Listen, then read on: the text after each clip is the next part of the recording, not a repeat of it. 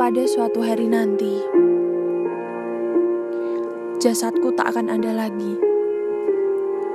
Tapi dalam bait-bait sajak ini, kau tak akan kurelakan sendiri. Pada suatu hari nanti, suaraku tak terdengar lagi. Tapi di antara larik-larik sajak ini, kau akan tetap kusiasati. Pada suatu hari nanti, impianku pun tak dikenal lagi.